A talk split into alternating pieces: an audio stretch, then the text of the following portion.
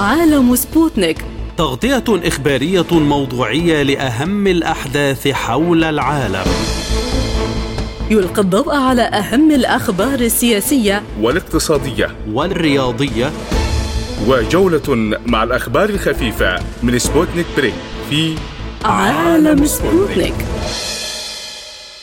أهلا بكم مستمعينا الكرام في حلقة جديدة من عالم سبوتنيك. معكم في هذه الحلقة خالد عبد الجبار ونوران عطلة والبداية مع أبرز العناوين.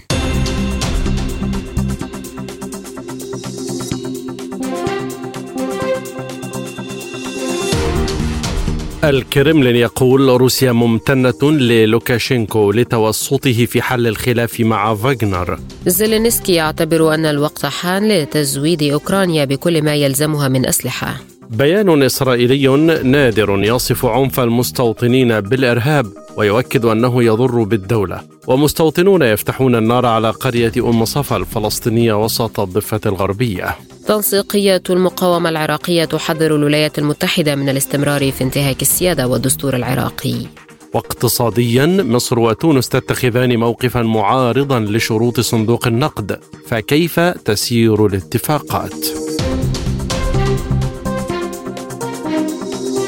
إلى التفاصيل. أكد المتحدث باسم الرئاسة الروسية ديمتري بيسكوف أن الرئيس فلاديمير بوتين ظل يمارس عمله في الكرملين طوال اليوم وأنه لا خطط لأن يلقي خطابا في وقت قريب معربا عن امتنان روسيا للرئيس البيلاروسي ألكسندر لوكاشينكو لتوسطه في حل التمرد العسكري.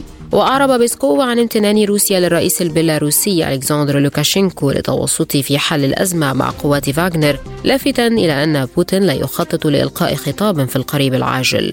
هذا وأعلن يفجيني بريغوجين أنه سيتم إعادة قواته إلى مواقعها وتغادر إلى المعسكرات الميدانية. جاء ذلك بعد محادثات أجراها الرئيس البيلاروسي ألكسندر لوكاشينكو مع بريغوجين حيث وافق الأخير على مقترح للوكاشينكو لوقف تحركات مجموعة فاغنر على الأراضي الروسية واتخاذ إجراءات إضافية لخفض التصعيد. وأجهضت روسيا تمردا مسلحا لمجموعة فاغنر دون أي تصعيد خطير في أقل من 24 ساعة من خلال تعاون مثمر مع رئيس بيلاروسيا لوكاشينكو حيث أعلن قائد مجموعة فاغنر يفغيني بريغوجين أنه سيتم إعادة قواته إلى مواقعها والامتثال للهدنة. ووفقا للكرملين فإن لوكاشينكو كان على معرفة شخصية ببريغوجين منذ حوالي 20 عاما. وقد وافق الأخير على وقف تحركات فاغنر على الأراضي الروسية واتخاذ إجراءات إضافية لخفض التصعيد. وأعلنت روسيا انتهاء الأزمة وأوضحت أن قائد قوات فاغنر سيغادر إلى بيلاروسيا مشيرة إلى إسقاط التهم الجنائية عنه. من موسكو ينضم إلينا الدكتور أسامة سماق الخبير في الشأن الروسي. دكتور أسامة هل دور بيلاروسيا كان مواكبا للحدث بشكل واضح مع تصعيد الأمور؟ لا بدون شك الأحداث التي جرت في روسيا كانت مفاجئة للجميع. ومن المعروف أن بيلاروسيا هي الطرف الثاني في دولة الاتحاد التي أعلن عن إنشائها بين روسيا الاتحادية وبيلاروسيا. فهي جزء من الدولة الاتحادية الروسية البيلاروسية. وليس من مصلحة بيلاروسيا وخاصة في هذه الظروف أن تحدث اضطرابات سياسية أو اجتماعية في روسيا في ظروف حرب مع الغرب الجماعي في ظل الحرب الدائرة مع الغرب الجماعي على الأراضي الأوكرانية، فتدخل الرئيس لوكاشينكا أعتقد أنه جاء في الوقت المناسب وفي المكان المناسب، وقد ويشير إلى إلى ذلك النتائج الإيجابية الحاسمة التي أدى إليها الوساطة البيلاروسية من حيث وقف التصعيد. وتراجع فاغنر وبريغوجين عن مواقفهما وعوده قوات فاغنر إلى إلى سكناتها أو إلى مراكز تجمعها. هذا إضافة إلى حل المشكلة بشكل نهائي وإسقاط القضايا الجنائية التي كانت قد رفعت من قبل القضاء الروسي ضد فاغنر وعناصر فاغنر، لا بالعكس كان تدخل مناسب في الوقت المناسب وفي الزمن المناسب وبنتائج مسلمه انعكست ايجابا على حل المشكلة المفاجئه التي حصلت في 72 ساعة الماضية في روسيا. لكن لماذا نجح الرئيس البيلاروسي في التدخل سريعا وكيف جاء الحل بهذه السرعة؟ هذا الموضوع خاضع للكثير من التأويلات والآراء المختلفة والتحليلات التي قد تكون في بعضها متناقضة وفي بعضها متوافقة. لأن بريغوجين بالأساس وشركة بريغوجين الشبه العسكرية الخاصة لم تتشكل ولم تتأسس بالأساس ضد إرادة الحكومة الروسية أو ضد إرادة القيادة الروسية أو الرئيس بوتين. فكانت مدعومة بشكل أو بآخر أو آه، مغضوض النظر عنها من قبل القيادة الروسية. فبالتالي بريغوجين آه، آه، موجود في عدة دول في العالم. أقصد ببريغوجين قواته طبعا قوات فاغنر. موجود كما يقال في السودان موجود في ليبيا وكان قبلها موجود على الأراضي السورية. فلا أعتقد أنه كان حريص أن يصعد إلى درجة انه إضعاف روسيا كدولة وخاصة بعد الانتصارات التي حققتها قواته في في الحرب الأوكرانية وخاصة في مدينة ارتيومس التي يسميها الأوكرانيون باخموت. والانجازات التي حققها سابقا في خرسون أو وان وأن يشير للنظرة التي تشكلت عند المواطن الروسي من أنه أحد أبطال آه، الحرب الأوكرانية. فلا أعتقد أنه كان حريص ان ان أن يدفع بالأمور إلى درجة آه، النقطة اللا رجعة أو إلى آه، القطيعه النهائيه مع الكرملين فتدخل أو وساطه الرئيس لوكاشينكا كما قلت منذ قليل جاءت في الوقت المناسب مما أدت إلى تبريد الروس وإلى قطع الطريق على القوى الغربية التي تتربص بكل من روسيا وبيلاروسيا وتنتظر فرصة للانقباض على الجيش الروسي المنتشر. في منطقة الدنباس وفي آه، شرق وجنوب أوكرانيا فكل هذه العوامل متضافرة أدت إلى نجاح وساطة آه، الرئيس ألكسندر في حسم الأمور وفي حل هذه المشكلة التي كانت مرشحة للتفاقم. كيف تقيم دكتور أسامة ردود الفعل الغربية على هذا الحدث؟ فلننسى أن ردود الفعل الغربية كانت حذرة إلى أبعد الحدود وخاصة ردة فعل الخارجية الأمريكية وردود فعل الاتحاد الأوروبي ودوله وردود فعل دول الاتحاد الأوروبي الرئيسية وخاصة آه، فرنسا وبريطانيا وألمانيا. آه، طبعا آه، هنا يهمنا في هذا الموضوع رد الفعل الأمريكي لأن ردود فعل الاتحاد الأوروبي ودوله ستكون صدى لرده الفعل الأمريكي. حاولت الأطراف الغربية أن أن تكون حيادية تجاه الأحداث في روسيا و,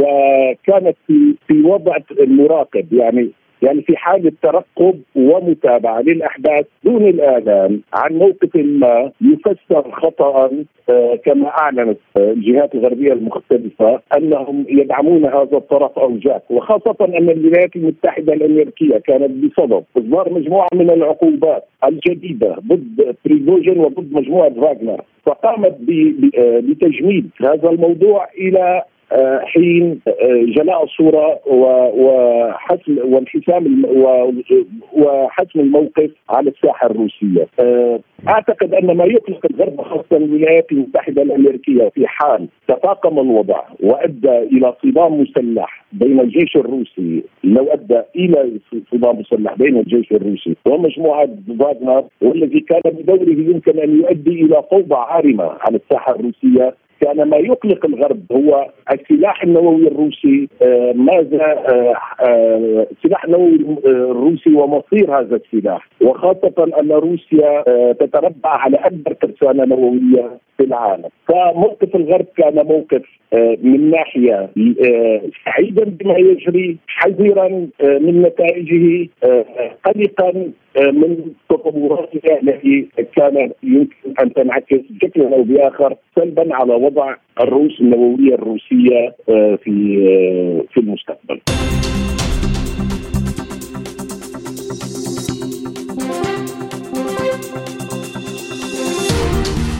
اعتبر الرئيس الأوكراني فلاديمير زيلينسكي أن قواته تحمي أوروبا من القوات الروسية داعيا إلى تزويد جيشه بكل الأسلحة اللازمة بما في ذلك مقاتلات من طراز F-16 وقال زيلينسكي في خطابه اليومي إن أمن الجناح الشرقي لأوروبا يعتمد فقط على دفاع أوكرانيا مضيفا أنه حان الوقت الآن لتقديم كل الأسلحة اللازمة للدفاع. كما حض الرئيس الأوكراني الغرب على منح بلاده طائرات مقاتلة وأنظمة تكتيكية صاروخية من نوع أتاكامز التي يبلغ مداها 300 كيلومتر.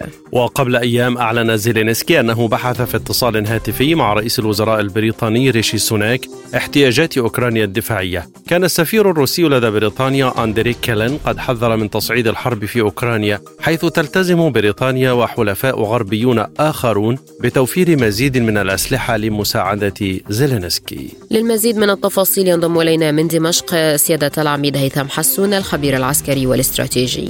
بعد التحية لماذا يطلب زيلينسكي هذا الطلب بهذه النبرة؟ آه، طبعا الرئيس الأوكراني يريد من الدول الأوروبية أن تزود بكل ما تستطيع من الأسلحة. أولا لتأمين آه، استمرارية القتال وبالتالي تأمين استمرارية وجوده آه، في الحياة السياسية وفي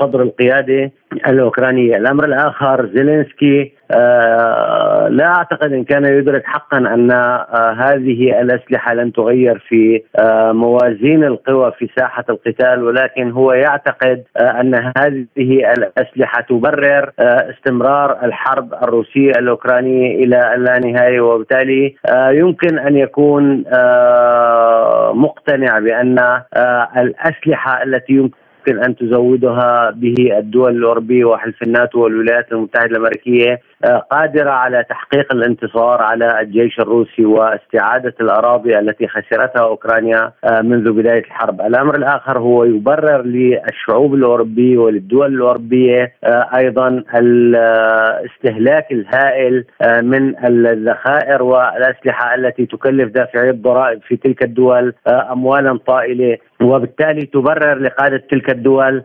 الاستمرار في دعم زيلينسكي، الأمر الأخير أن آه، زيلينسكي آه، آه، يريد أن يقول أن تقصير أو أن فشل الجيش الأوكراني في آه، آه، تحقيق نتائج ميدانية كما يرجو وكما ترجو الدول الأخرى هو ناتج عن عدم تزويد أوكرانيا بكل ما تطلبه من الأسلحة خاصة الأسلحة التي تمكنه من مهاجمة الأراضي الروسية وربما التاثير بشكل واسع كاستخدام أسلحة قذرة أو تأمين آه، الأسلحة التي آه، تحتوي اليورانيوم الموضب الذي آه، يمكن أن يؤدي إلى نتائج كبيرة في ساحة المعركة كما يعتقدون. هل يعتبر ذلك دليلا على المزيد من خسائر أوكرانيا وعدم قدرة زيلينسكي على الصمود؟ طبعا تحدث تحدث الأوكرانيون وتحدث الأوروبيون والأمريكيون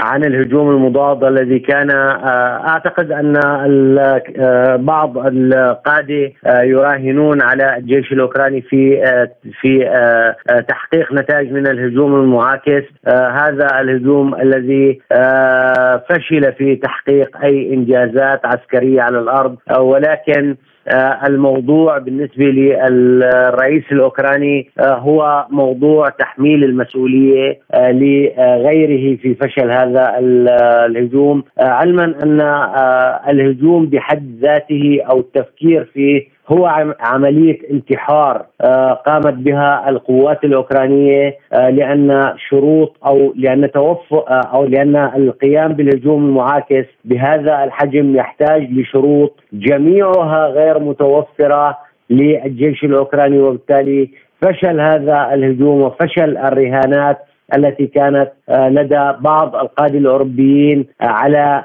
تغيير وجه الصراع في أوكرانيا. أدى بزيلينسكي وأدى ببعض القادة لتقديم طلبات إضافية في موضوع السلاح والعتاد. هل يمكن أن تستجيب له القوى الغربية وتزوده بأسلحة هجومية أكبر؟ طبعا آه، بعض الدول الغربية تريد أن تفعل ذلك بولندا مثلا آه، ولكن والولايات المتحدة وبريطانيا بطبيعة الحال آه، ولكن بعض الدول الأوروبية الأخرى لا تريد هذا الأمر لأنه قد ينعكس سلبا على آه، وجه الصراع في الساحة الأوروبية بمجملها. آه، طبعا هذا الموضوع حتى الآن الولايات المتحدة الأمريكية يبدو أنها تسير في الزيادة المضطردة وليست زيادة دفعة واحدة في حجم التسليح للجيش الأوكراني ودعمه في بالعتاد آه، المتطور. ولكن حتى الآن آه، أعتقد أن كثير من القيادات الأمريكية تعارض إرسال أسلحة هجومية بعيدة المدى للجيش الأوكراني لما قد تؤثر آه، أو يكون لها أثر كبير في قرار القيادة الروسية في الاستمرار على وتيرة الصراع ذاتها. عندها قد تضطر القيادة الروسية إلى تبديل هذه الوتيرة واستخدام أسلحة فتاكة تؤدي إلى حسم نتيجة الصراع آه، بشكل أكبر وبشكل أسرع وبالتالي آه، تغير الوجهه السياسيه والعسكريه للصراع في أوكرانيا. في حالة الرفض أو الاستجابة، كيف يمكن أن يكون تأثيره على الأزمة؟ طبعا في حاله رفض الدول الأوروبية تزويد أوكرانيا بهذه الأسلحة ستبقي سيبقى الصراع على وتيرته الحالية آه، بدون تطورات أو بدون تغير آه، في وتيرة الأعمال القتالية الهجومية بالنسبة للجيش الأوكراني ولكن هذا الأمر قد ينعكس سلبا على قدرة الجيش الأوكراني في تنظيم الدفاع والاستمرار في الدفاع عن الخطوط والمواقع التي يحتلها ويتمركز فيها. وبالتالي آه، قد تؤدي إلى زيادة السرعة في انهيارات خطوط الدفاع الأوكرانية عند قيام الجيش الروسي بهجمات أو بهجوم آه، معاكس عام للهجوم الذي آه، بدأته القياده الاوكرانيه أو الجيش الأوكراني منذ آه، الرابع من الشهر الحالي، أما في حال تم تزويد أوكرانيا باسلحه متطورة فأعتقد أن رده الفعل الروسيه ستكون أكثر جرأة في التعامل مع استخدام الأسلحة المتطورة آه، التي قد يكون لها تأثير في تغيير آه، في تغيير مسار الصراع العسكري آه، بشكل عام.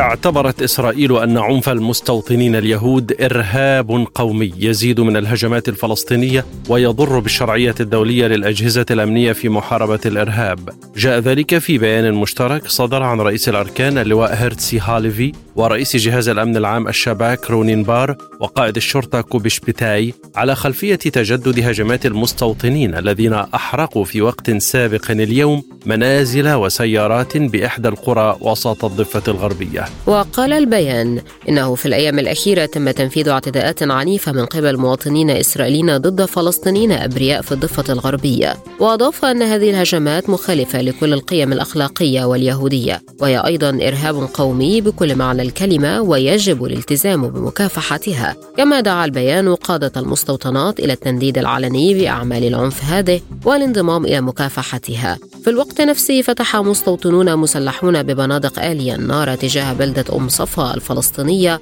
وسط الضفة الغربية المحتلة وذلك خلال اقتحامها وإحراق عدد من المنازل والسيارات من القاهرة ينضم إلينا دكتور أيمن الرقب المتخصص في الشأن الإسرائيلي دكتور أيمن كيف يصدر هذا البيان عن إسرائيل وعن مسؤولين كبار هكذا؟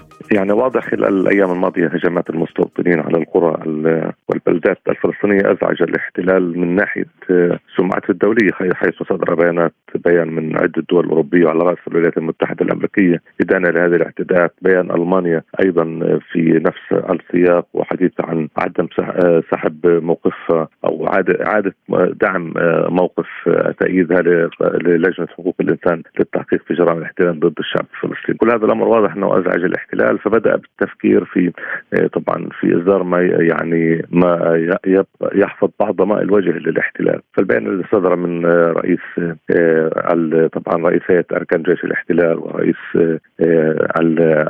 الشباك الاسرائيلي أو جهاز الأمن الداخلي الاسرائيلي إضافة إلى رئيس الشرطة. يعني هذه القوى الأمنية والعسكرية والشرطية كانت أنا أعتقد رسالة لكاتب ما الوجه. لذلك رأينا مباشرة يهاجم سمرة شوبن غفير هذه اللجنة التي وقعت أو الثلاثة الذين وقعوا هذا البيان في حين رحبت الولايات المتحدة الأمريكية أيضا بالبيان واعتبرته طبعا خطوة إيجابية من قبل جيش الاحتلال. لكن هل يعد هذا البيان اعترافا يمكن المحاسبة عليه؟ بالتأكيد هو يعتبر اعترافا ولكنهم يريدوا أن يبرروا نفسهم لأنه في النهاية هو اعتبر أنه جرائم ما يقوم به المستوطن هو مرفوض بشكل كامل وأنهم سيتحركون للحفاظ حتى في بيانهم يتحدثون عن الفلسطينيين الأبرياء سيتحركون في سياق منع توسع ذلك وأنا أقيس ان الأمر يأتي في سياق يعني يتم ترتيبه على المستوى السياسي. هذا لم يأتي فقط من الجهات الأمنية دون ترتيب مع الجهات السياسية وبالتالي البيان كما أشرنا هو لكسب الوجه للاحتلال بعد أن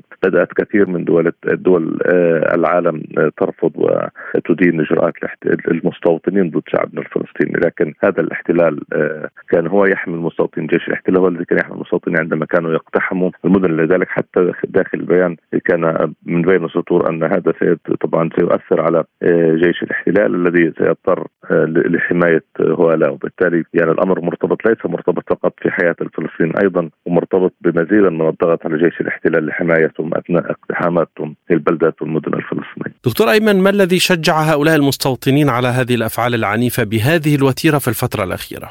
وجود حكومة يمنية متطرفة بها سموريتش وبن غفير الذين يحرضون يوميا على الشعب الفلسطيني. طرح سموريتش لخطة الحسم الذي أطلق عليها قبل أكثر من شهرين تقريبا. والحديث على أنه إما أمام الفلسطينيين ثلاث خيارات إما أن يقبل أن يعيشوا داخل دولة يهودية إما أن يرحلوا من طبعا والحديث عن الضفة الغربية والقدس أن يرحلوا من هذه البلد أو أن يستعدوا للحرب. هذا الأسلوب الذي يتحدث به سموريتش وزيادة طبعا وتيرة التحريض ضد الشعب الفلسطيني جعل يعني طبعا نهم هؤلاء وغريزتهم للقتل تزداد اتجاه الشعب الفلسطيني. ثم حديث أيضا سمورتش خلال مسيرة أعلام أنه سيضم مناطق كبيرة من الضفة الغربية وسيبقى عليها مستوطنات تستوعب مليون يهودي جديد. هذا كله يدفع باتجاه أن يخرج هؤلاء بحجة أن ردة الفعل على عملية فلسطينية تحدث هنا وهناك للهجوم على ال ال ال يعني المواطنين الآمنين في بيوتهم وهم يعتدون لا يستطيعون. يهربوا أمام مسلح فلسطيني واحد ولكن يعتدوا على النساء على النساء والأطفال والشيوخ في بيوتهم ويستخدموا طبعا كما أشرنا أسلحتهم التي التي يمتلكوها لأنه المستوطنين جميعهم مسلحين وأقل مستوطن مسلح بمسدس لكن فما بالك الشعب الفلسطيني العازل الموجود في منازل والأجهزة الأمنية الفلسطينية لا تستطيع أن تحميهم ليس فقط في مناطق سي ومناطق بي أيضا في مناطق الأجهزة الأمنية لا تستطيع أن تحميهم لأنها تنسحب عندما يدخل احتلال المناطق. طيب هناك تحذير روسي ودولي مما يحدث في فلسطين لماذا تزداد هذه التحذيرات وما هي قراءتك لها دكتور أيمن؟ يعني الموقف الروسي هو موقف واضح ومتقدم اتجاه دعم القضية الفلسطينيه، موقف الدولة حتى الذي يصدر هي مجرد بيانات. يعني نحن لا لا نتحدث أن المجتمع الدولي سيستخدم استخدام القوة ضد الاحتلال الإسرائيلي، هذا لم يحدث يحدث ضد دول أخرى ولكن ضد إسرائيل لا يحدث لإلزامها للكف عن جرائمها، نحن نتمنى أن تعترف دول العالم بالدولة الفلسطينية بحدودها الجغرافية، أن يقول عالم نحن نعترف بالدولة الفلسطينية على حدود الرابع الهجران عام 67 بما فيها القدس الشرقيه، هنا يكون هناك البدء في تغير دولة تجاه أن ما يحدث على أراضي عام 67 بالمطلق مرفوض، لكن العالم الدولي الذي صدر قرار التقسيم 1 8 1 عام 47 والذي يتحدث عن دولة يهودية على 52% من أرض فلسطين التاريخية، اعترف لاحقا بدولة يهودية على 78 من أرض فلسطين التاريخية في قرار 2 4 2 3 3 8 و3 المجتمع الدولي هو مجتمع للاقوياء ونحن يعني حقيقة الأمر نحن شعب ضعيف ومستضعف. مواقف الدول تقدر لكن هي مواقف معنوية ليست لا تؤثر شيء للأسف على الاحتلال.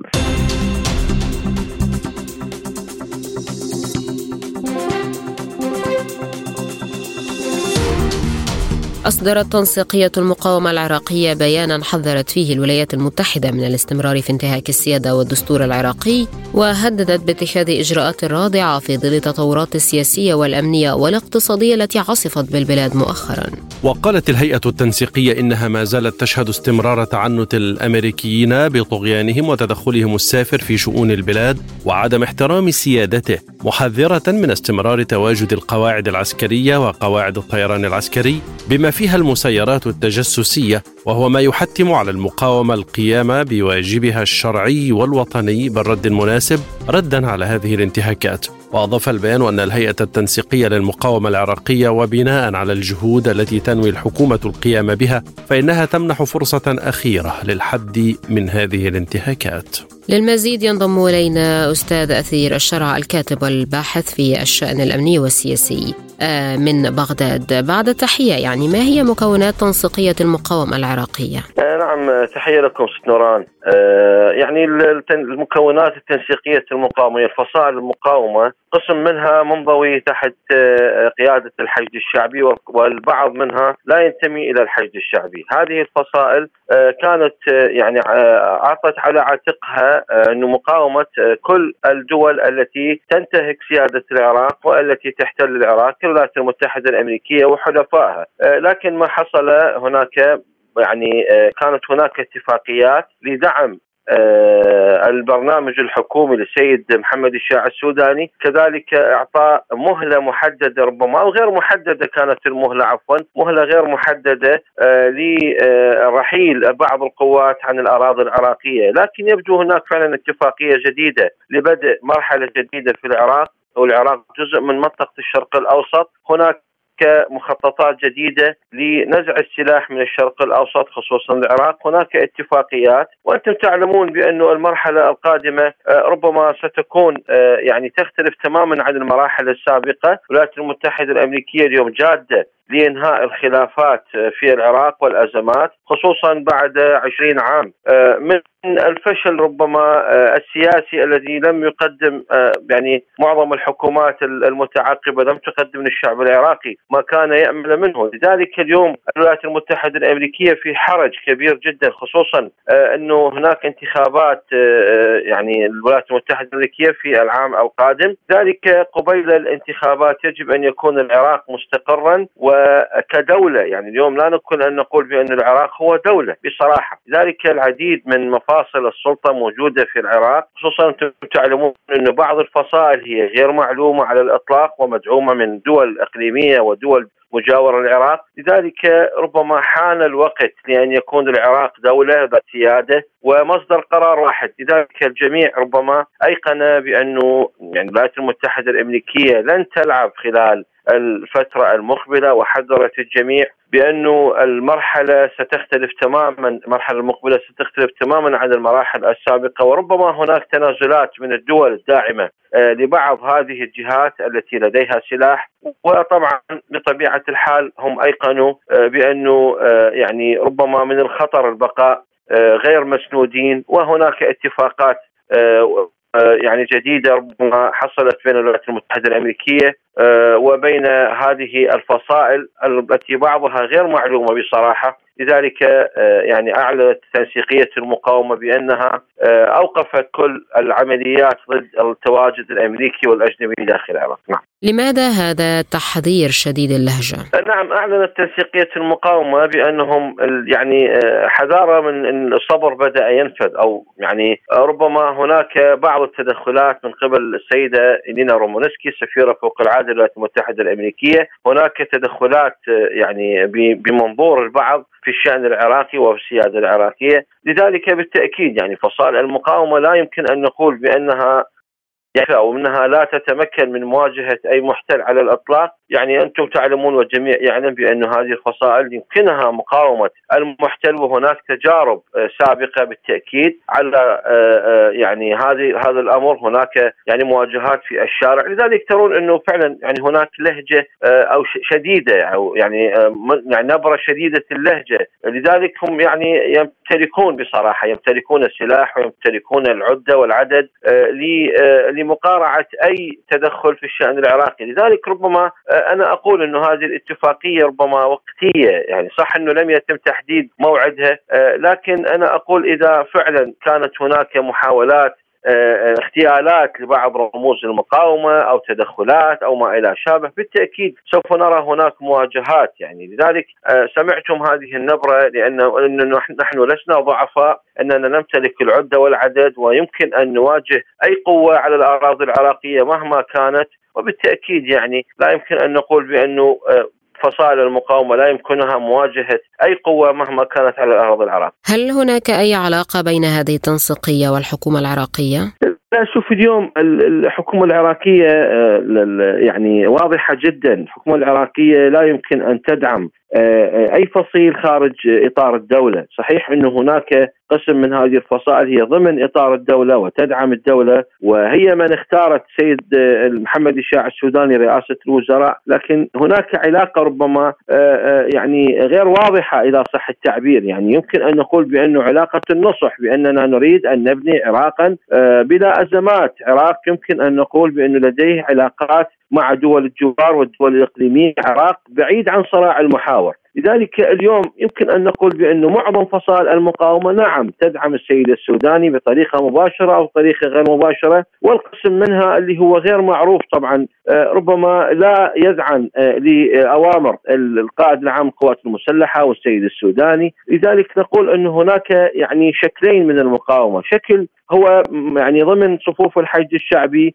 وشكل آخر ليس من ضمن صفوف الحشد الشعبي لكن هو داعم للسيد السوداني والقسم الآخر ليس له علاقة لا بهذا ولا بذاك. وبطبيعة الحال هذه الفصائل القسم منها لديه علاقة مع السيد السوداني والقسم الآخر ليس له أي علاقة، لذلك أنتم ترون بأنه آه، يعني اليوم العراق بات ساحة خصبة آه، لبروز العديد من الفصائل ليس فقط من الشيعة إنما من كل آه، البيوتات نسميها البيوتات السني والكردي وحتى المكونات الأخرى، لذلك اليوم عندما نقول انه السيد السوداني علاقته بهذه الفصائل المسلحة ربما البعض المعروف نعم التي هي لديها تمثيل نيابي لديها مشاركة بالعملية السياسية واضحة الرؤية لديها يعني مخططات وإستراتيجيات واضحة.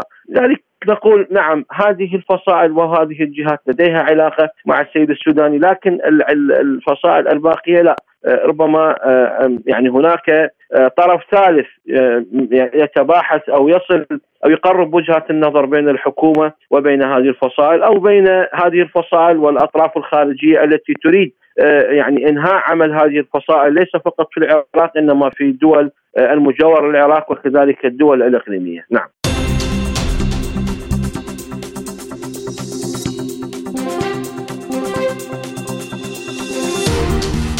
تحولت مواقف مصر وتونس من قبول الشروط التي كان يفرضها صندوق النقد الدولي عليهما إلى رفض بل وهجوم مضاد على هذه الشروط التي يسمح من خلالها الصندوق بتقديم قروضه ودعمه سواء النقدي أو العيني المتمثل في شهادة الثقة في الاقتصاد. مصر بدأت إعلان الرفض على لسان رئيسها عبد الفتاح السيسي الذي أشار إلى أن عملية تعويم الجنيه المصري من جديد سوف تؤثر على الشعب المصري وطالب السيسي ضمنيا صندوق النقد بتفهم ظروف بلاده بعد أن قال إن سعر الصرف في بلاده أصبح امنا قوميا كما لا يمكن لحكومته الاقتراب منه إذا كان سيؤثر على حياة المصريين. كانت المراجعة الأولى مع صندوق النقد قد أرجئت لعدم تنفيذ البلاد المتعطشة للسيولة الدولارية للطلبات التي تم الاتفاق عليها مع الصندوق وكان أهمها سعر الصرف المرن وتنفيذ برنامج لبيع شركات مملوكة للدولة. الموقف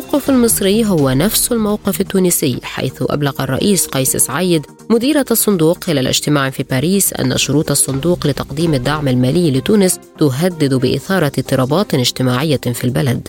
وأكد أن أي خفض للدعم خاصة الطاقة والغذاء يمكن أن تكون له تداعيات خطيرة مذكرا بالاحتجاجات الدامية التي هزت تونس عام 1983 بعد أن رفعت الحكومة آنذاك سعر الخبز. من لندن ينضم إلينا الدكتور مصطفى البزركان الخبير الاقتصادي. دكتور مصطفى هل يمكن أن يعدل صندوق النقد من شروطه حول تخفيض قيمة العملة المصرية من جديد أمام الدولار؟ طبعا شروط آه، صندوق النقد الدولي توضع بعد دراسات بعد دراسة الاقتصاد الموارد المالية الموارد الاقتصادية لاي دولة وبالتالي ضمنها مصر أو دولة أخرى آه، عربية أو أجنبية. ولذلك عملية تغيير شروط صندوق النقد الدولي قد تحتاج إلى جهود وإلى إقناع. لماذا؟ لأن هذا كما قلنا قرار يؤخذ بعد دراسة آه، مستفيضة.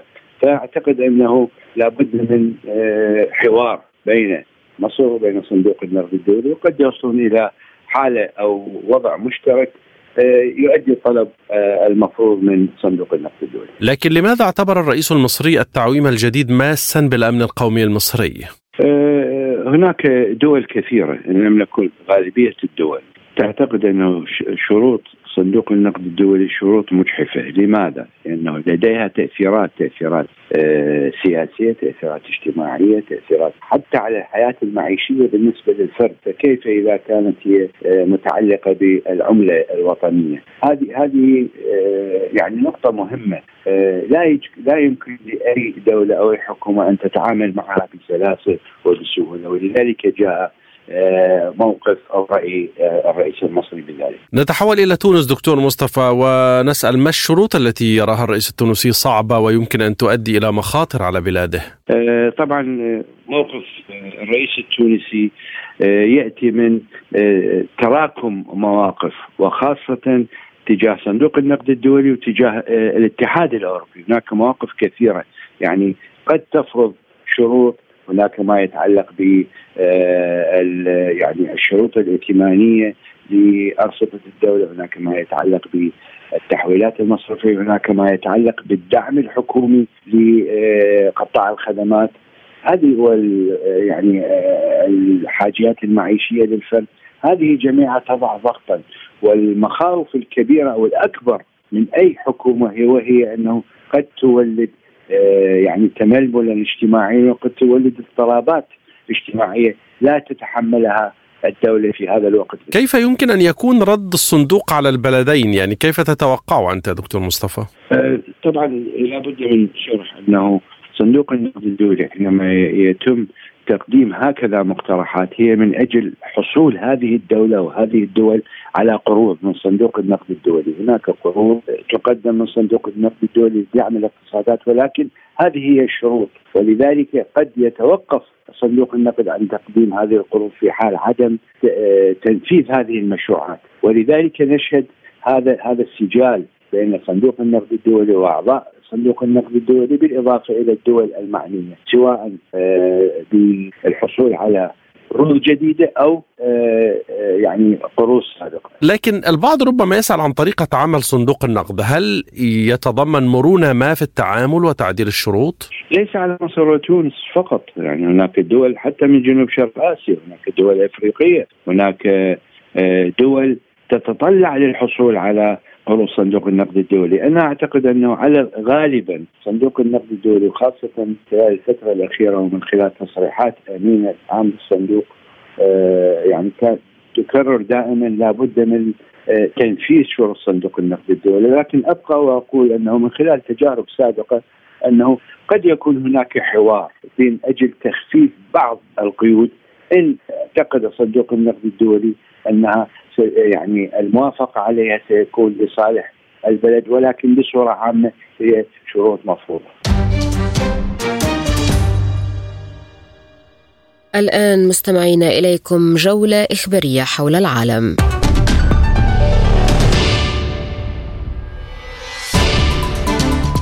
عرضت وزارة الدفاع الروسية لقطات لتدمير منطقة محصنة تابعة للقوات المسلحة الأوكرانية على محور كوبيانسك وتم قصف المنطقة مع المسلحين المتواجدين فيها ومخزون الذخيرة بأسلحة عالية الدقة بعد اكتشاف المنطقة المحصنة. ونتيجة الضربة دمرت مواقع الأوكرانيين وأسلحتهم وذخائرهم بالكامل. في الوقت نفسه أعلن حاكم مقاطعة بيلغورود الروسية فياتشيسلاف غلادكوف أن نظام الدفاع الجوي صد هجوما أوكرانيا بطائرة مسيرة في منطقة فالويسكي السكنية في المقاطعة. وأضاف حاكم بيلغورود أن الخدمات التشغيلية تتأكد تأكدوا من أي عواقب للهجوم على الأرض. هاجمت المروحيات والطائرات الهجومية من طراز سو 25 التابعة للقوات المسلحة الروسية بنجاح مواقع الأوكرانيين على محور كوبيانسك. نفذ الطيران الروسي 11 هجوما بالقذائف والقنابل على مواقع انتشار لواءين من القوات المسلحة الأوكرانية. وتحدث سيرجي زيبينسكي رئيس المركز الصحفي لمجموعة الغرب التابعة للقوات الروسية عن نتائج الهجوم. قائلا قامت أطقم المروحيات الهجومية من طراز كا 52 ومي 28 وطائرات سو 25 الهجومية التابعة لمجموعة طيران الغرب بتنفيذ 11 ضربة صاروخية وبالقنابل على تسع مناطق تتمركز فيها القوة البشرية والأسلحة في إطار الأعمال القتالية على محور كوبيانسك. وأضاف أنه تم ضرب المعدات العسكرية والخاصة وأفراد اللواء الرابع عشر الآلي المنفصل واللواء 103 للدفاع الإقليمي الخاص التابعين للقوات الأوكرانية. أعلن الناطق الرسمي باسم قوات الدعم السريع في السودان عن إسقاط طائرتين حربيتين تتبعان للقوات المسلحة السودانية. وقال بيان الناطق الرسمي باسم قوات الدعم السريع إن المقاتلتين من طراز سوخوي 24 ميج وتم إسقاطهما مساء السبت. وأضاف البيان أن عناصر الدعم السريع تحاصر قوات من الجيش السوداني في مناطق محدودة في الخرطوم في ظل ما وصفه انقطاع إمدادات الغذاء والأسلحة والذخائر لدى الجيش. وهزت طلعات الطيران الحربي ودوي الأسلحة رشاشة المنازل مجددا في الخرطوم حيث ينزوي المدنيون داخل منازلهم خوفا من القصف. ووفق الأمم المتحدة غادر مليون ونصف مليون سوداني العاصمة منذ اندلاع الحرب في الخامس عشر من أبريل بين الجيش بقيادة عبد الفتاح البرهان وقوات الدعم السريع التي يقودها محمد حمدان دقلو أفادت هيئة البث الإسرائيلية أن الإدارة الأمريكية قررت العودة لقرار وقف كل أشكال التعاون والدعم المالي للمشاريع في المستوطنات بالضفة الغربية. ونقلت الهيئة عن مصادر رسمية قولها إن القرار الجديد يشكل تراجعا عن قرار إدارة الرئيس الأمريكي السابق دونالد ترامب التي شرعت للجهات الأمريكية الرسمية دعم المشاريع في المستوطنات. وجاء قرار إدارة الرئيس الأمريكي جو بايدن ليشكل إلغاء لقرار إدارة ترامب والعودة للعمل بموجب قرار إدارة أوباما. نظرا لاعتبار الولايات المتحدة الضفة الغربية أراضي محتلة والاستيطان فيها غير شرعي. يذكر أن عملية السلام بين إسرائيل والفلسطينيين متوقفة منذ سنوات بسبب مواصلة إسرائيل بناء المستوطنات على أراضي الضفة الغربية وهو ما يرفضه الجانب الفلسطيني ويؤكد أن الاستيطان يمثل عقبة كأداء على طريق السلام. أعلن الأزهر الشريف رفضه بشدة قيام ما سماه الكيان الصهيوني الإرهابي المحتل بتمزيق نسخ من المصحف الشريف وحرقها في جنوب نابلس بفلسطين. وهاجم الأزهر الإسرائيليين بسبب الاعتداء على الفلسطينيين الأبرياء في عدة قرى فلسطينية في الضفة الغربية وسرقة ممتلكاتهم. وأكد الأزهر أن استمرار هذا الكيان المغتصب للشعوب والأوطان والأرض في ارتكاب جرائمه تحت مرأى ومسمع من المجتمع الدولي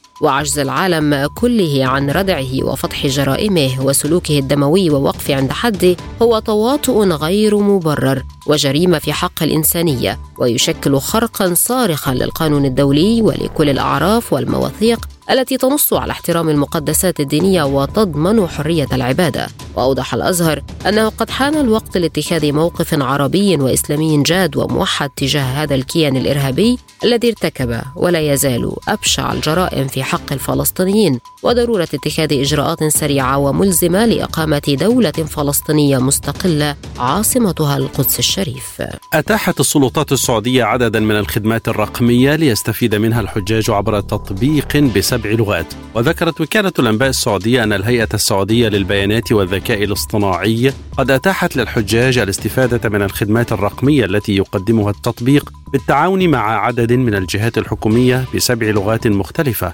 وأكدت الهيئة السعودية أن التطبيق الذي بلغ عدد مستخدميه أكثر من 17 مليون مستخدم يقدم 241 خدمة إلكترونية ويتيح للحجاج الاستفادة منه بسبع لغات خاصة أنه يمكن استخدامه في 77 دولة حول العالم. بدأ اليونانيون التصويت في الجولة الثانية من الانتخابات لاختيار برلمان جديد إذ يتطلع المحافظون للفوز وإعادة رئيس الوزراء السابق كيرياكوس ميتسوتاكيس إلى منصبه. وتجرى انتخابات اليوم على خلفية حادث غرق سفينة مهاجرين في الرابع عشر من يونيو. يخشى أن يكون قد أودى بحياة مئات الأشخاص قبالة سواحل جنوب اليونان. وهذا الحادث يعد أحد أسوأ كوارث الهجرة منذ سنوات حيث أظهر انقسامات الأحزاب حول قضية الهجرة. وفاز حزب الديمقراطية الجديدة بزعامة ميتسوتاكيس في الانتخابات التي أجريت في الحادي والعشرين من مايو بفارق 20 نقطة عن حزب سيريزا اليساري الذي حكم اليونان من 2015 حتى 2019 لكنه لم يحصل على الأغلبية المطلقة اللازمة للحكم دون تشكيل ائتلاف مما استلزم إجراء جولة تصويت ثانية بموجب قواعد مختلفة تسهل على الحزب الفائز الحصول على أغلبية في البرلمان المؤلف من 300 مقعد. أعلن الجيش الباكستاني سقوط مدنيين على أيدي القوات الهندية في منطقة كشمير المتنازع عليها في جبال الهيمالايا في أول صراع بين الجارتين النوويتين منذ وقف إطلاق النار بينهما في 2021 وقال الجيش الباكستاني في بيان إنه جرى استهداف مجموعة من الرعاة في قطاع ساتوال عند خط السيطرة الذي يمثل الحدود الفعلية بين البلدين محذرا من أنه يحتفظ بحقه في الرد. وجاء في البيان أن الجيش الهندي فتح النيران بصورة عشوائية على مجموعة من الرعاة في القطاع الزراعي في استعراض لنهجه غير الإنساني المعتاد تجاه الكشميريين الأبرياء. ولم يعقب الجيش الهندي بعد على البيان الباكستاني. وصلت حاملة طائرات أمريكية إلى مدينة دانانغ الفيتنامية الأحد بعد أسابيع من احتجاج هانوي على إبحار سفن صينية في مياهها. ويتزامن وصول يو إس إس رونالد ريغان إلى ميناء دانانغ مع احتفال الولايات المتحدة وفيتنام بذكرى مرور عشر سنوات على الشراكة الشاملة بين البلدين في ظل تعزيز العلاقات التجارية بينهما وتقاربهما على خلفية المخاوف حيال ازدياد نفوذ الصين في المنطقة. والآن إليكم تذكرة بأبرز العناوين.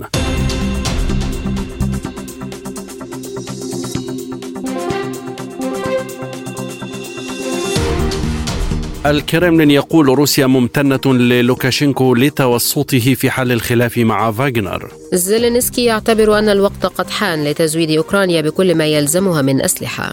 بيان إسرائيلي نادر يصف عنف المستوطنين بالإرهاب ويؤكد أنه يضر بالدولة. ومستوطنون يفتحون النار على قرية أم صفا الفلسطينية وسط الضفة الغربية. تنسيقية المقاومة العراقية تحذر الولايات المتحدة من الاستمرار في انتهاك السيادة والدستور العراقي. واقتصاديا مصر وتونس تتخذان موقفا معارضا لشروط صندوق النقد فكيف تسير الاتفاقات؟ الآن إليكم جولة من الأخبار الاقتصادية.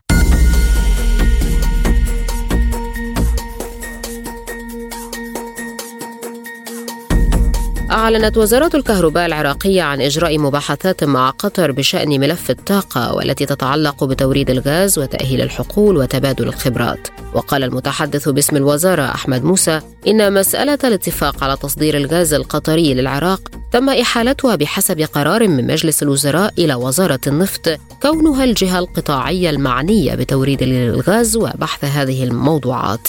وأشار موسى إلى أن قطر عضو بهيئة الربط الخليجي واتفاقها مع العراق بشأن ملف الغاز يتضمن تأهيل الحقول وعقد شراكات لتبادل الخبرات والاستعانة كذلك بالخبرة القطرية في هذا الملف بموجب إعلان النوايا الموقع بين البلدين. وقد تعلق هذا الموضوع بوزارة الكهرباء الذي يجرى التباحث بهذا الشأن بين البلدين. كان أمير قطر الشيخ تميم بن حمد آل ثاني زار العراق في منتصف شهر يونيو حزيران الجاري. وشهد مع رئيس الوزراء العراقي محمد شياع السوداني توقيع إعلان نوايا مشترك. وعدد من الاتفاقيات ومذكرات التفاهم في مجالات الطاقة والنقل الجوي والبري. أعلن البرنامج السعودي لتنمية وإعمار اليمن إطلاق حزمة مشاريع وبرامج تنموية حيوية في مدينة حضرموت بقيمة تتجاوز ملياري ريال سعودي و200 مليون ريال. وتشمل المشاريع قطاعات الصحة والطاقة والتعليم والمياه والنقل والثروة السمكية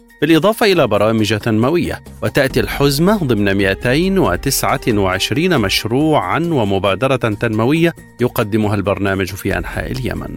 يعتزم البنك المركزي التركي تخفيف قواعد الاحتفاظ بالليرة في المصارف التجارية الموجودة بالبلاد تحت إدارة المحافظة الجديدة حفيظة غايا إركان وذلك كخطوة أولى من تبسيط السياسات التي جرى إقرارها سابقا لتعزيز مدخرات الليرة التركية. وخفض المركزي نسبة المشتريات الإلزامية من السندات الحكومية الإضافية المقومة بالعملة المحلية إلى 5% بدلا من 10% سارية المفعول فور إصدار القرار وفقا لمرسوم نشر في الجريدة الرسمية. وزادت هذه النسبة مرتين خلال العامين الماضيين مرتفعة من 3% إلى 10% وذلك من أجل دعم تحويل الودائع المقومة بالعملات الأجنبية إلى أخرى بالعملة التركية كجزء من استراتيجية دعم الليرة. وتنص تعديلات القواعد الجديدة على أنه إذا كانت حصة ودائع بالليرة في المصارف أقل من 57% من إجمالي الودائع فستضطر البنوك إلى شراء سبع نقاط مئوية من السندات الحكومية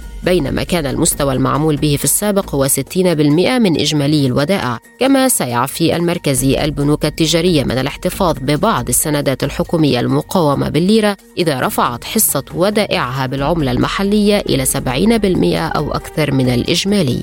أرست أرامكو وتوتال إنرجيز عقود الهندسة والمشتريات والبناء في مجمع أميرال بقيمة 11 مليار دولار ويعد مجمع أميرال منشأة توسعة بتروكيماوية مستقبلية عالمية تقع ضمن مصفاة ساتورب في المملكة العربية السعودية. وتمثل ترسية عقود الهندسة والمشتريات والبناء لوحدات المعالجة الرئيسية والمرافق المرتبطة بها بداية أعمال الإنشاءات في التوسعة البتروكيماوية المشتركة وذلك بعد قرار الاستثمار النهائي في ديسمبر 2022 ويهدف المجمع الجديد الذي يتم دمجه مع مصفاة ساتورب في الجوبيل إلى ضم واحدة من أكبر الوحدات لتكسير اللقيم المختلط في منطقة الخليج العربي بطاقة إنتاجية تبلغ مليون ونصف المليون طن سنويا من الإيثيلين والغازات الصناعية الأخرى.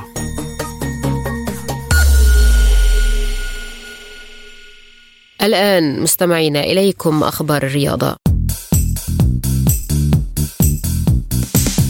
حقق المنتخب المغربي تحت 23 سنة فوزا شاقا على غينيا كوناكري بنتيجة 2-1 في افتتاح بطولة كأس أمم إفريقيا تحت 23 سنة المؤهلة إلى دورة الألعاب الأولمبية في باريس 2024 واعتلى منتخب المغرب صدارة المجموعة الأولى التي تضم منتخبات غانا والكونغو برازافيل وغينيا كوناكري لكنها صدارة مهددة. إذا ما نجح المنتخب الغاني في الفوز على الكونغو برازافيل بهدفين دون رد أو بفارق ثلاثة أهداف.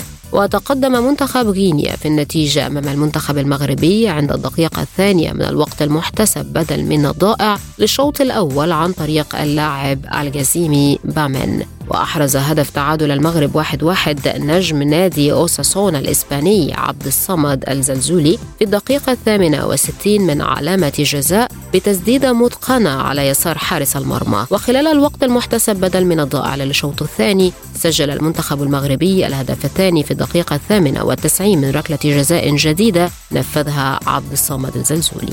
أصدر اتحاد أمريكا الشمالية والوسطى ودول الكاريبي الكونكاكاف جملة من العقوبات على خلفية الأحداث المثيرة للجدل التي شهدتها مباراة أمريكا والمكسيك في الخامس عشر من يونيو الجاري. ونشب شجار جماعي بين لاعبي الفريقين خلال المباراة. ورددت الجماهير التي تواجدت في ملعب أليجيانت في لاس فيغاس بولاية فلوريدا الأمريكية هتافات تمييزية. وأعلن اتحاد الكونكاكاف أن أربعة لاعبين حصلوا على بطاقات حمراء خلال المباراة وتم إيقافهم جميعا بسبب سوء سلوك لاعب على أرض الملعب. كما أعلن الكونكاكاف أنه فرض غرامة مالية قدرها غير معلوم على كلا الاتحادين وحذرهما من فرض عقوبات أشد في حال وقوع حوادث أخرى في مبارياتهما المقبلة. كان المنتخب الأمريكي قد فاز على نظيره المكسيكي بثلاثية نظيفة قبل أن يهزم المنتخب الكندي ويحقق لقب دور الأمم.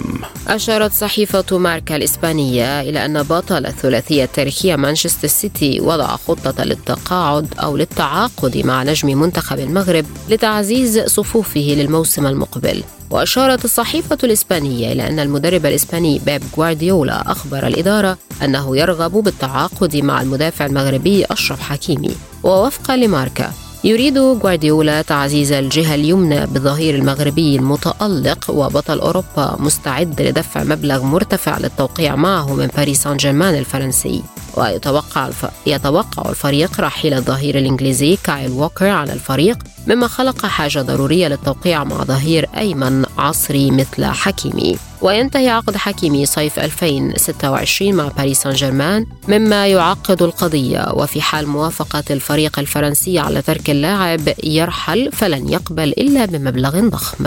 أعلن نادي وولفرهامبتون الإنجليزي لكرة القدم الاستغناء عن خدمات لاعبه البرتغالي روبن نافيز مقابل صفقة قياسية ليواصل مشواره في صفوف نادي الهلال السعودي. وودع روبن نافيز نادي وولفرهامبتون بالدموع في فيديو نشره النادي الإنجليزي قبل دقائق من إعلان الهلال ونشر نادي الهلال فيديو عبر حسابه على موقع التواصل تويتر للترحيب بنيفيز الذي ارتدى القميص الأزرق وعلق النادي قائلا من معقل الذئاب إلى كبير آسيا. ولم يكشف الهلال عن تفاصيل عقده مع روبن نيفيز لكن بعض التقارير الصحفية أشارت في وقت سابق أن اللاعب البالغ من العمر 26 عاما سينتقل للدوري السعودي مقابل 55 مليون يورو. وقال نيفيز مستعرضا مسيرته مع الذئاب ستة مواسم 253 مباراة لقب دوري الدرجة الثانية الإنجليزي خمسة أعوام في الدوري الممتاز الوصول لقبل نهائي كأس الاتحاد الإنجليزي مغامرة أوروبية وانتصارات ضخمة. الآن مستمعين إليكم مجموعة من الأخبار الخفيفة وسبوتنيك Break.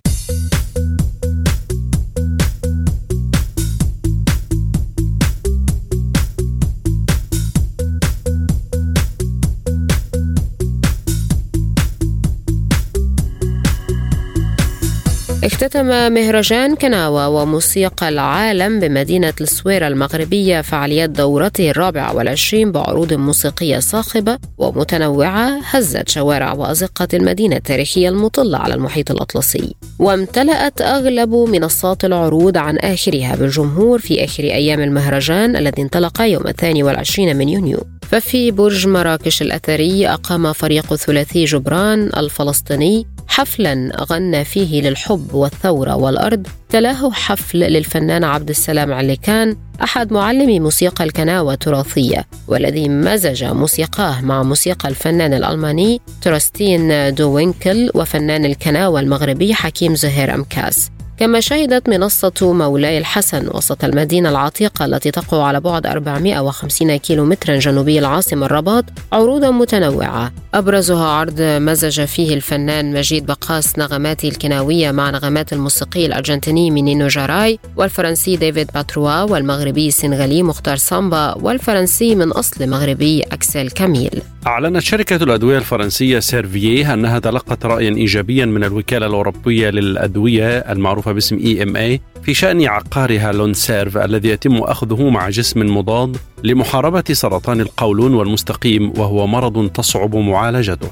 ويتعلق الرأي الإيجابي للجنة الأدوية للاستخدام البشري التابعة للوكالة الأوروبية للأدوية بعلاج المرضى البالغين المصابين بسرطان القولون والمستقيم الذين سبق أن تلقوا بروتوكولين من العلاج بينهما العلاج الكيميائي لكنهم لم يستجيبوا لأي منهما على ما أوضحت سيرفيه في بيان لها. واستندت اللجنة إلى نتائج عالمية لتجربة سريرية في المرحلة الثالثة قورنت خلالها فعالية عقار لونسيرف وسلامته عندما أخذه المريض من دون أي دواء إضافي مع تناوله مع الجسم المضاد المعروف باسم بيفاسيزوماب.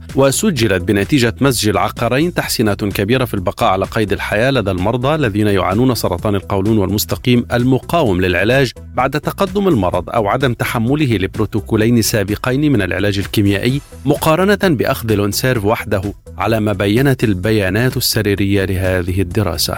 قالت وزارة الصحة اليابانية إن امرأة في السبعينيات من عمرها في محافظة باراكي توفيت بعد إصابتها بفيروس أوز جراء لسعة من حشرة القراد. بينما وردت تقارير عن إصابات محتملة بالفيروس الذي ينقله القراد في الحياة البرية والبشر يعتقد أن هذه هي أول حالة وفاة بالفيروس في العالم. وبحسب الوزارة فإن المرأة التي ليس لها تاريخ في أي رحلات سفر خارجية زارت عيادة طبية الصيف الماضي وظهرت عليها أعراض تشمل الحمى والتعب وآلام المفاصل وكان يشتبه في إصابتها بالتهاب رئوي ووصف لها مضادات حيوية لكن ساءت أعراضها وتم نقلها إلى المستشفى في مركز توكوبا الطبي. وعندما تم إدخالها المستشفى تم العثور على قرادة تمتص الدم في قاعدة فخذها الأيمن حيث وافتها المنية بعد حوالي شهر من حدوث التهاب في عضلة القلب. وقالت الوزارة إنه لم يتم العثور حتى الآن على فيروس أوز خارج اليابان.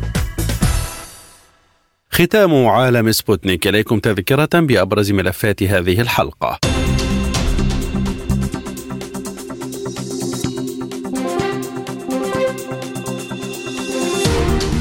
الكرملين يقول روسيا ممتنة للوكاشينكو لتوسطه في حل الخلاف مع فاغنر. زيلينسكي يعتبر أن الوقت قد حان لتزويد أوكرانيا بكل ما يلزمها من أسلحة. بيان إسرائيلي نادر يصف عنف المستوطنين بالإرهاب ويؤكد أنه يضر بالدولة ومستوطنون يفتحون النار على قرية أم صفا الفلسطينية وسط الضفة الغربية. تنسيقية المقاومة العراقية تحذر الولايات المتحدة من الاستمرار في انتهاك السيادة والدستور العراقي.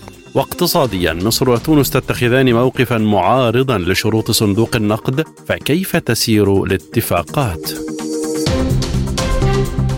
للمزيد زور موقعنا سبوتنيك إلى اللقاء.